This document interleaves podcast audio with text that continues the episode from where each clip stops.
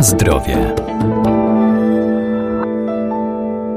Samopsza to zapomniane zboże, ale warto odkryć je na nowo, podobnie jak korzenie topinambura, czyli słonecznika bulwiastego, które są źródłem wielu witamin. Co jeszcze warto o nich wiedzieć?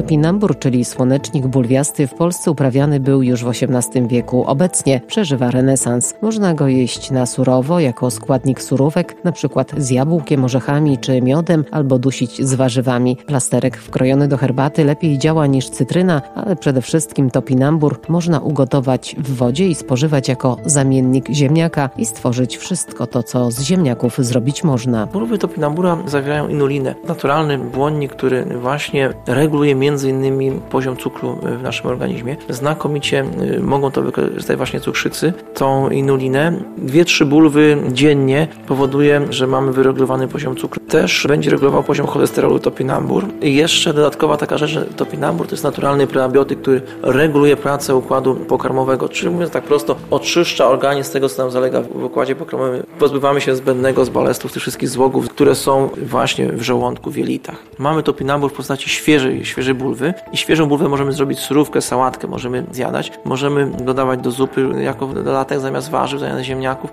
Przepyszne frytki wychodzą z tego topinambura, rewelacyjne jakaś pieczeń czy pióre można zrobić z tego.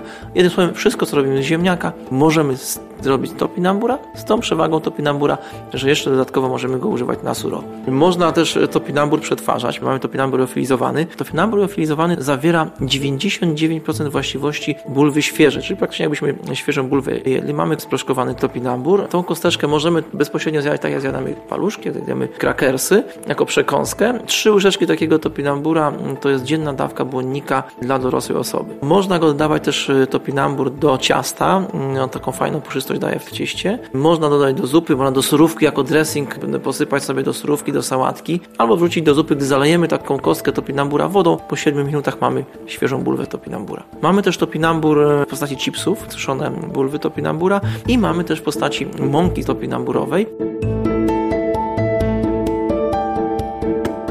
Na zdrowie. Warto też zwrócić uwagę na pszenicę samoprzy. To jedno z najstarszych zbóż wykorzystywanych przez człowieka. Od stuleci uchodzi też za roślinę leczniczą, a ze względu na bogaty skład zaliczana jest do żywności funkcjonalnej. Zainteresowanie samoprzą wzrasta w ostatnich latach ze względu na zapotrzebowanie na niekonwencjonalną żywność oraz prozdrowotne właściwości tego zboża. Może być wykorzystywana tak jak każda inna mąka, ale różnice widać już po zmieleniu ziarna. Taka różnica w jakości. Ta mąka z samoprzy jest o wiele bardziej puszysta, wiele bardziej taka przyjemna i jeśli chodzi powstanie z niego ciasto, no po prostu jakościowo jest lepsza. Jako taka ciekawostka, ale też ta funkcja leczenia przez zdrową, prawdziwą żywność, przez samoprze jest to, że mimo, że samoprza zawiera w swoim składzie gluten, mogą ją spożywać osoby chore na celiakię, które generalnie, według wszystkich współczesnych naukowców, nie tolerują glutenu.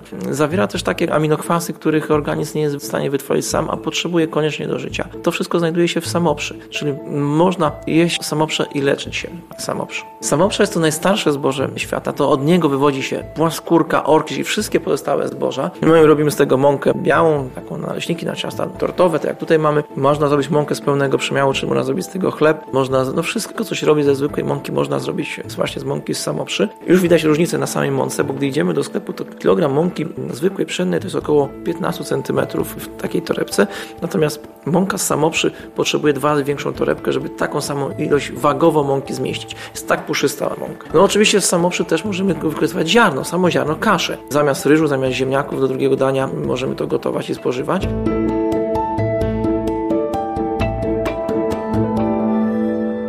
Samoprza charakteryzuje się bogatszym w porównaniu do pszenicy zwyczajnej i orkiszu składem mikro i makroelementów, zwłaszcza magnezu, żelaza czy cynku. Na zdrowie.